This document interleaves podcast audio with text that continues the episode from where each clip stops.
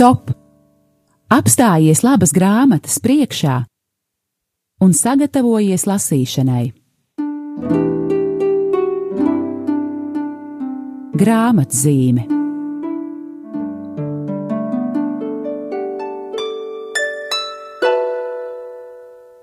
Esiet sveicināti, mīļie klausītāji! Ir kārtējā trešdiena un kārtējais raidījums grāmatzīme, kurā mēs runājam par grāmatām un aicinām jūs uz lasīšanu. Un šodien studijā esmu Sāja Balode, un man ir divas jaukas viesņas - Ilze Kurša un Inese Gagaine no izdevniecības dzīvības straumes. Esiet sveicinātas! Man sanāca gandrīz tā kā evaņģēlijā. Es esmu sveicināta Mariju, un mēs par Mariju šodien daudz runāsim. Tā, esiet sveicināts jūs. Un, mīļā Ilze, es atceros, eh, pareizāk sakot, es to neatcerējos, bet paskatījos mūsu grāmatzīmju arhīvā, ka pagājušajā reizē mēs tikāmies šeit studijā oktobrī pirms pieciem mēnešiem. Un toreiz mēs runājām par eh, lika Lanoā grāmatu, jo viņi tiks mierināti. Un toreiz tu minēji, ka jā, jūs strādājat pie vēl citas šī autora grāmatas, un lūk, cik jauki pagājuši pieci mēneši, un grāmata ir iznākusi. Liks Lanoā visu mazais. Un tā arī ir grāmata, ko mēs šodien, mīļie klausītāji, kopā atvērsim, mazliet palasīsim un par kuru runāsim. Un Ilze tā tad ir izdevniecības vadītāja, un Ines ir šīs grāmatas tulkotāja. Un tad nu, jautāšu jums eh, gan par ideju par šo grāmatu, gan par eh, ceļu līdz tam, ka grāmata ir iznākusi latviešu. Varbūt sāksim ar to, kā tad radās doma par šīs grāmatas tulkošanu. Nu, šo grāmatu es uh, Beļģijā ieraudzīju kad biju Ignācija rekolekcijās, kādā 2000. gadā, tātad diezgan sen, un izvilku no grāmatu plaukta, sāku lasīt, un viņa man ārkārtīgi uzrunāja tā grāmata, jo man liekas, ka viņas rekolekcijās es pati kaut ko piedzīvoju tieši par to posmu, ja, kad mēs esam savas mātes miesās un ko mēs tajā laikā piedzīvojam, vai kā ļoti maziņi. Un tad uh, es atvedu to grāmatu šeit, jo man arī bija nu, iedot atļauju viņu izdot, un tad viņi ilgstoši pie mums stāvēja grāmatplaktā, līdz sagaidīja savu kārtu. Jā, bet tiešām tā mēdz notikt, vai ne? Ka grāmata Jā. gaida savu īsto brīdi, kad tai ir jāiznāk. Un tieši acīm tā. redzot, šis, no, šis gadījums ir tieši tāds. Jā, tieši tā. Un Ines savukārt šo grāmatu pasniedz mūsu tēvs Pauls Pavro, izņēmis no manas plauktu iedeva viņai rokās, ka vajag to tulkot, un Inesē arī viņa pastāvēja kādu pusotru gadu, un tā viņa sāka lasīt, un viņu tas ārkārtīgi aizrāva uzreiz. Sanāk, ka pat nevis tu ilzi iedievi Inesē grāmatu tulkot, bet Ines tu pat citu ceļu pie šīs grāmatas tiki, ja? Jā, tā, tēvs Pauls Favdo, viņš jau atvet no Beļģijas šo likalā no grāmatu, jo viņi tiks mierināti, ko es iztulkoju pirmo. Un viņš ieraudzīja arī tātad Ilgas grāmatu plāktā šī paša autora grāmatu visu mazais. Un jā, tad šī grāmata pie manis nostāvēja arī kādu gadu pusotru, līdz es viņai tā tiešām pievērsu uzmanību, un, kad sāku lasīt, jā, tiešām ļoti interesanti bija šī grāmata. Un tad arī radās doma, ka vajag, vajag viņu pārtulkot un izdot. Jā, nu, e, cik jauki, ka tev šī doma radās, un tu tai atsaucies, un lūk, grāmata ir. E, jā, e, klausītāji, kas tad ir šis visu mazais? Droši vien pēc tām nedaudzajām frāzēm, ko Ilze izteica, jūs jau nojaušat. Visu mazais ir pats mūsu kungs, vēl būdams tiešām tik mazs, vēl būdams mātes klēpī, Marijas klēpī, un Likslāna Noā runā par Marijas ceļu par eh, šo ceļu, kas ir, eh, kuru mēs pieminām apmeklēšanas notikumā, un kas bieži vien, arī, piemēram, lūdzoties rožu kroni, mums šis ceļš tiek izteikts tikai dažos vārdos. Un Marija devās kalnos pie savas māsītes Elizabetes. Vismaz man tā līdz šim bija. Un atverot šo Likalanu grāmatu, tā sākas ar kārti. Un, tur mēs redzam, Kas tad slēpjas eh, zem, zem šīs frāzes, un Marijas teikšas devās kalnos? Eh, šajā steidzīgajā gājienā viņa noiet 150 km. Lūk, un um, autors, um, viņam rodas iedvesma, ka viņš arī grib noiet šos 150 km, doties šādā svētceļojumā Marijai pa pēdām, ar Mariju kopā un domāt par to, eh, kā jutās Marija, kā jutās Jēzus, kā jūtas sieviete, kad viņa eh, gaida savu bērniņu, kas notiek ar šo bērniņu, kas ir šis lielais noslēpums, no kurienes tas nāk, kurā brīdī mēs varam runāt, ka bērns ir bērns, kurā brīdī mēs varam runāt par viņa miesu, par viņa dvēseli un tā tālāk. Tad varbūt mazu mūzikas pauzi, un tad šķirsim grāmatu vaļā un par visiem šiem jautājumiem parunāsim arī kopā. Tēvs, tu esi visā sākums tu varens un žēlsirdīgs. Tu esi lielāks par mūsu vājumu un nespēku. Tu mūs mīlēji tik ļoti, kā pats savu dēlu par mums atdēji. Tu mūs tik ļoti mīli, kā tavs dēls kļuva viens no mums.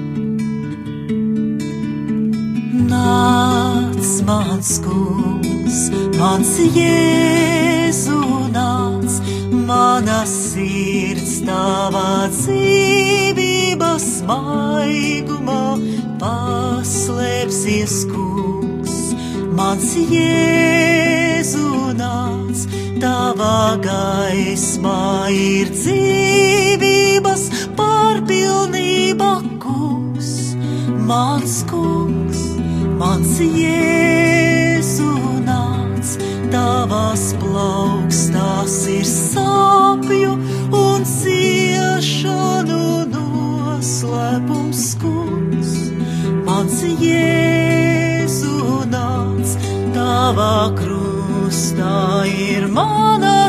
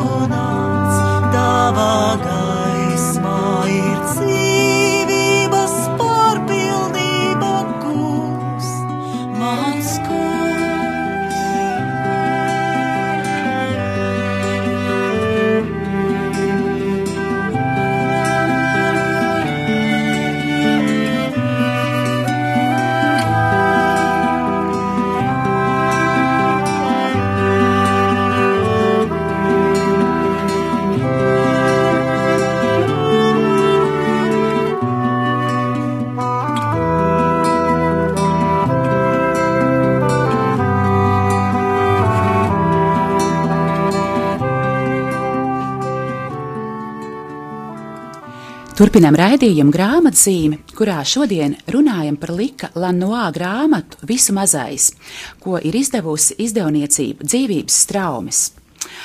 Un eh, kā autors raksta šo grāmatu? Um, no vienas puses, kā jau es minēju, tas ir kā ceļojuma apraksts, kā ceļojuma piezīmes, kur viņš tīri uh, konkrēti stāsta par šo savu svētceļojumu no Nāceretes uz um, pilsētu Ainkarēma, kur dzīvoja Elizabete, tātad par šo 150 km garo ceļu.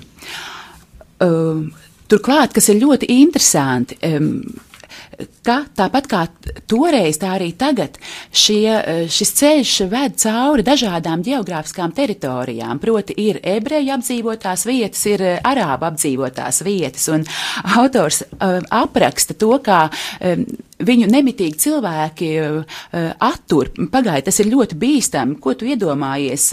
Viņš dodas šajā ceļā, um, mašīnas apstājas un saka, mēs tevi aizvedīsim, tu riskē ar dzīvību, un, un tā tālāk. Uh, lūk, um, Un es domāju, ka ik viens, kurš ir bijis svētajā zemē un kurš ir redzējis šos uh, žogus starp uh, palestīniešu teritorijām un ebreju teritorijām, tiešām šie um, likalanoā vārdi neatstās vienaldzīgus, jo tiešām man bija, lasot grāmatu, sajūta, ka es kaut kur eju ar viņu kopā. Es atcerējos to. Nu, ļoti biedējošo, sāpīgo sajūtu. Nu, kā tas ir, ka šodien um, cilvēki šādi dzīvo aiz, tādiem, um, aiz tādām sienām, viens no otra baidoties, viens otru arī apdraudot?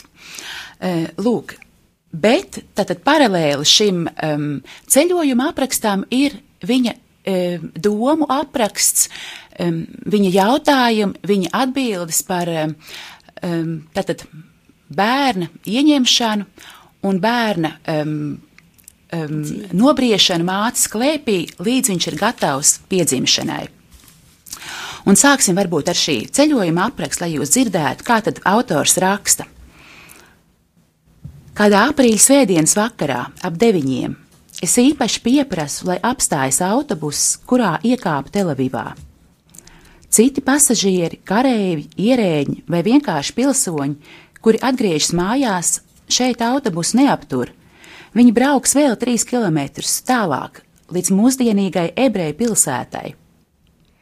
Es nekad neesmu bijis nāceretē, bet taujāt pēc ceļa nav vajadzīgs, jo galvenā iela tepat vien ir. Sakārtojis mugursomu, es sāku soļot pa ielu pavasara novakars siltajā valgumā, kurā smaržo gaļa un eļļa, garšvielas un cepti baklažāni. Daudzkrāsaini apgaismotas izkārnes cenšas piesaistīt skatienu maziem krodziņiem, no kuriem skan tamburīni un tvīksmaini dziedājumi. Vecpilsēta pieder arābiem. Es šeit esmu, lai meklētu, kur aizsāks cilvēks, šīs dienas, šie mēneši, kuru laikā veidojas visu mazais.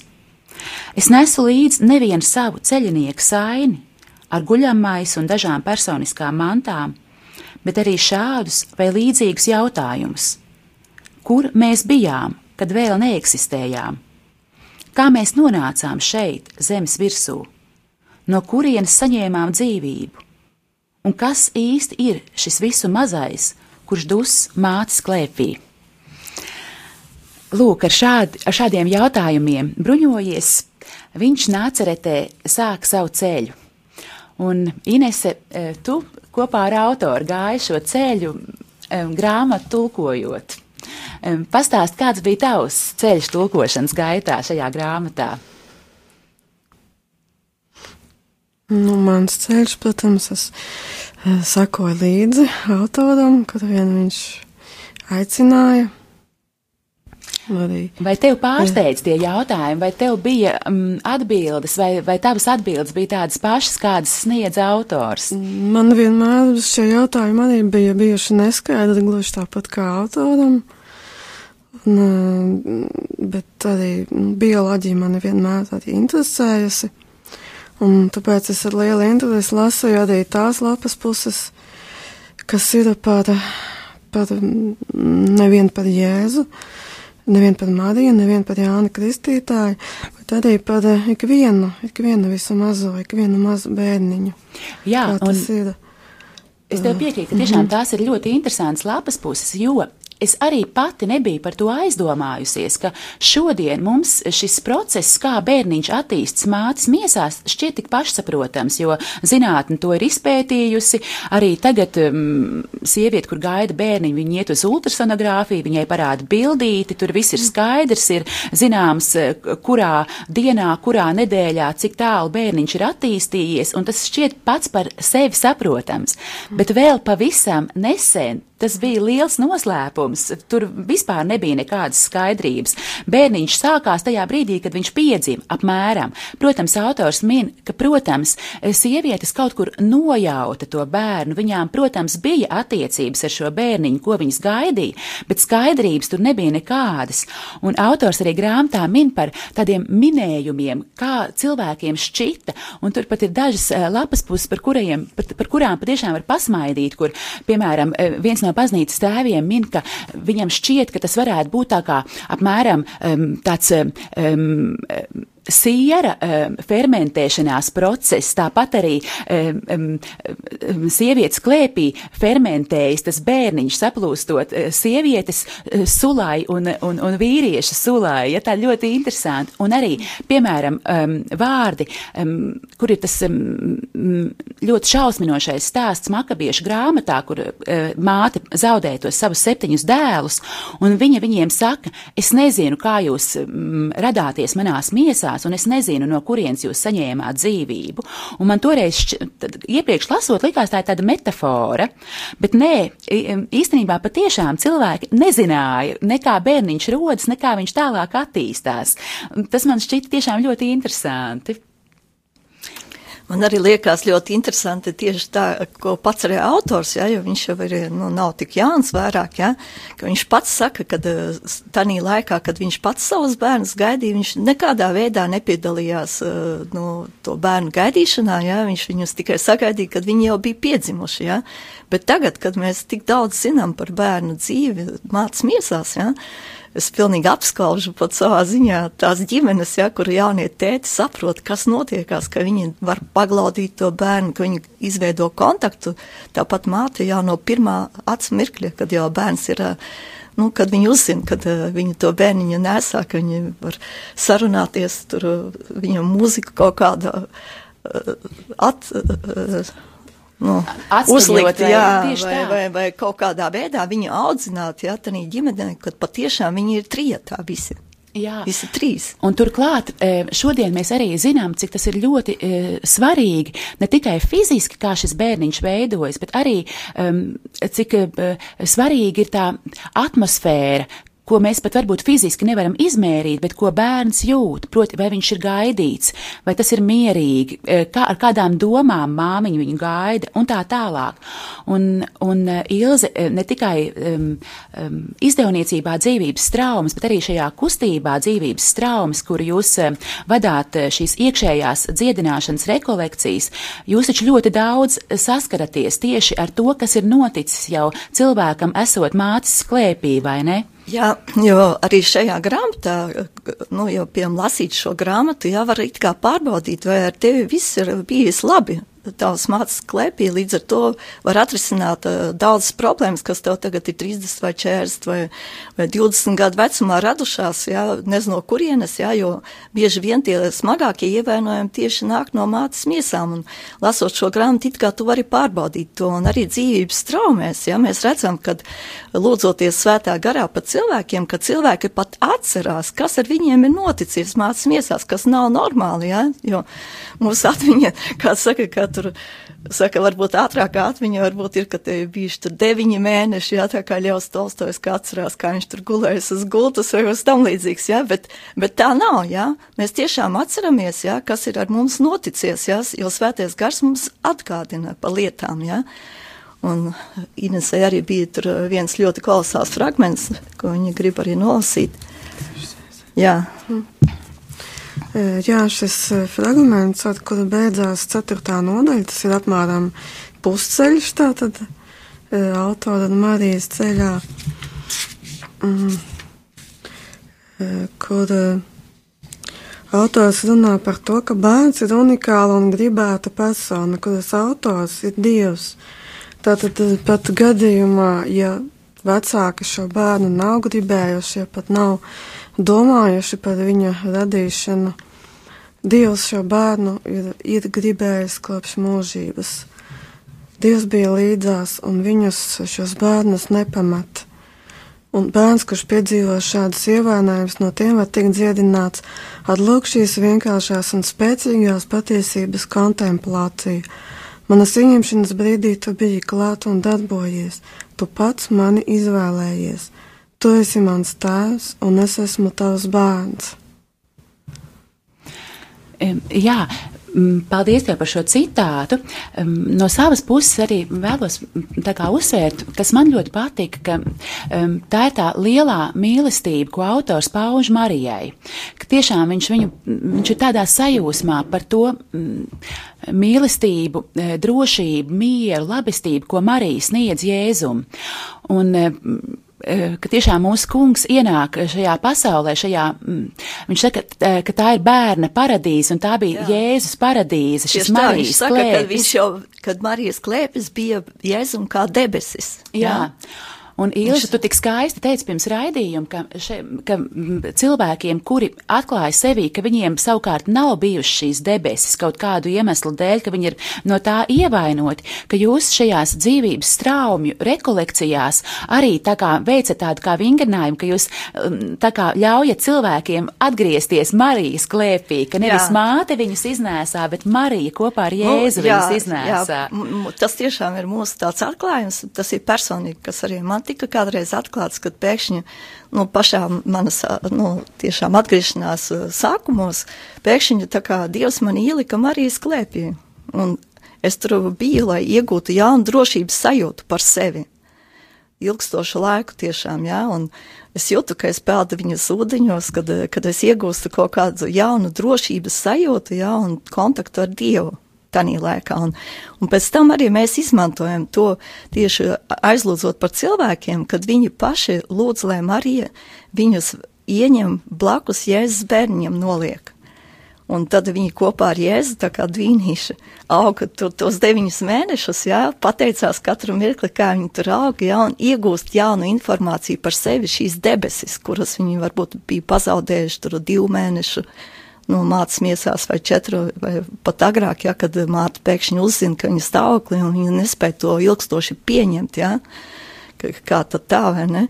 Un uh, līdz ar to šis atgrūšanas ievainojums vai kāds cits uh, saspringums, kas ir bijis ģimenē vai slimība mātes vai tēva vai, vai kas ir nomiris kāds tur tēvs vai māte, manai mātei, piemēram, ja, šīs skumjas, ja, tiek izdziedināts līdzīgi kā mazais Jēzus bērniņš, arī Jāna Kristītā izdziedināja no šī kāna, kas bija Elizabetei par to, ka viņa tik veci ir ieņēmis šo bērnu. Jā, varbūt atkal mazu elpas vilcienu izdarīsim mūzikas pauzē, un tad arī runāsim tālāk par Jānu Kristītāju.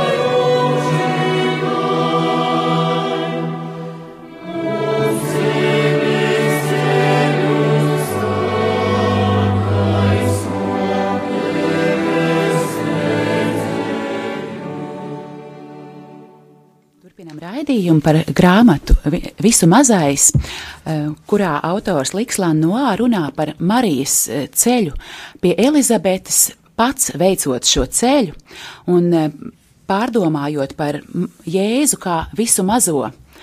Marijas klēpī. Un pagājušajā pirms mūzikas pauzes mēs pabeidzām par to, ka satiekoties Elizabetei un Marijai, satiekas arī mazais Jēzus bērns em, Marijas klēpī un mazais Jānis Kristītājs. Un Jānis Kristītājs tiek dziedināts no šīs, em, šī, šajā sastapšanās brīdī. Viņš priekā uh, salecas. Un eh, tu em, Ines sacīja, ka ne tikai viņš tātad tiek dziedināts no tā ievainojuma, ka um, tā kā tāda kauna sajūtas, ka, mā, ka Elizabete ir vecumā viņu ieņēmusi, bet ka tur ir vēl kāda e, nianse. E, jā, tā nianse, ko liks vēl no pieminu vēl ir e, tas, ka Jānim Kristītājam varēja būt ievainojums no tā, ka it kā nu, viņam it tā nākotne jau bija izlēmta, kā Eceņģēls Gabriels paziņoja Zaharijam templī. Mm, it kā viss būtu izlēmts, un jā, tam mazajam Jānim vairs nav nekādas izvēles. Arī tas viņu bija ļoti ievainojis. Un tagad, lūk, kad uh, satieks Mariju un Elizabeti, un svētais gads pārņem viņas abas un viņa bērniņus, Eh, svētais gars dziedina Jāni Kristītāju no šī ievainojuma. Viņš uh, kļūst pilnīgi brīvs un arī ļoti priecīgs, tāpēc viņš salacās mātes miesās no prieka. Bet uh, kas, at, kas šo svēto gadu attaic, ieaicināja šajā situācijā?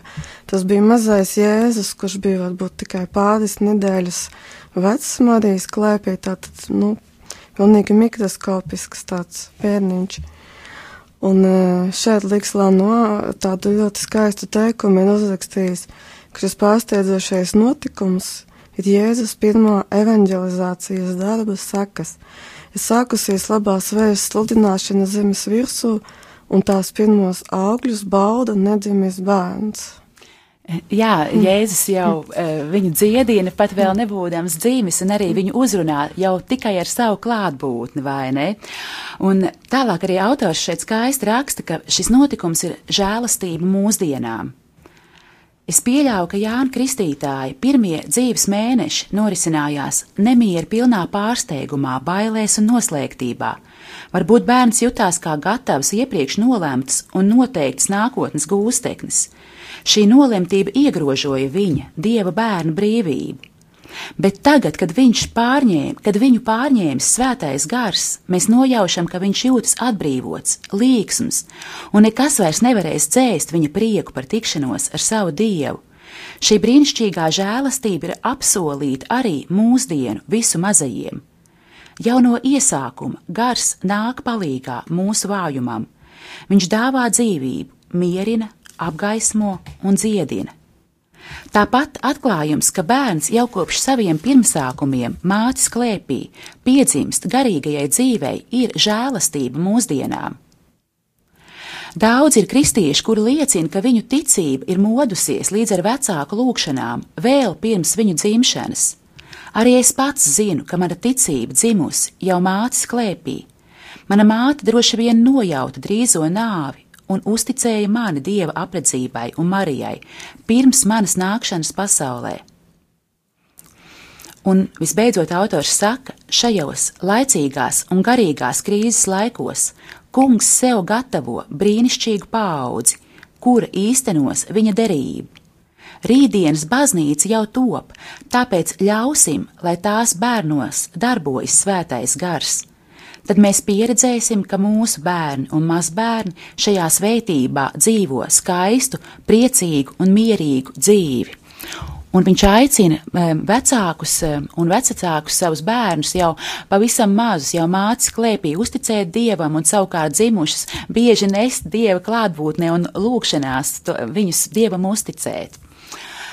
Lūk, Tikmēr arī tuvojas raidījuma beigas, bet vēl gribēju noteikti pieminēt to, ko mēs runājam pirms raidījuma, ka um, ļoti iespējams gaidām pašu autoru Latvijā, vai tā ir taisnība? E, jā, Liks Lanoāta prieku atsaucās mūsu ielūgumam uz Latviju. E, vienīgi šobrīd vēl nav zināms, kad tieši viņš e, atbrauks ar savu sievu. Iespējams, ka tās būs māja beigas, jūnija sākums. Jā, mīļie klausītāji, tā ka varam jau tikmēr lasīt jauni, jaunu iznākušo grāmatu un pieminēt savās lūkšanās šo iespējamo Lika Lanoā eh, ciemošanos Latvijā, um, kuras laikā viņš ir arī solījies gan dot um, konferences, būs tātad rekolekcijas, gan arī īpaši lūgties um, par um, māmiņām, kas gaida bērnus un par tikko dzimušiem bērniņiem. Lai tas tā izdodas, paldies liels jums, Ilze un Ines, ka šodien atnācāt. Studijā biju es Āja Balode, un tas bija raidījums grāmatzīme. Un paldies jums, mīļie klausītāji, par uzmanību!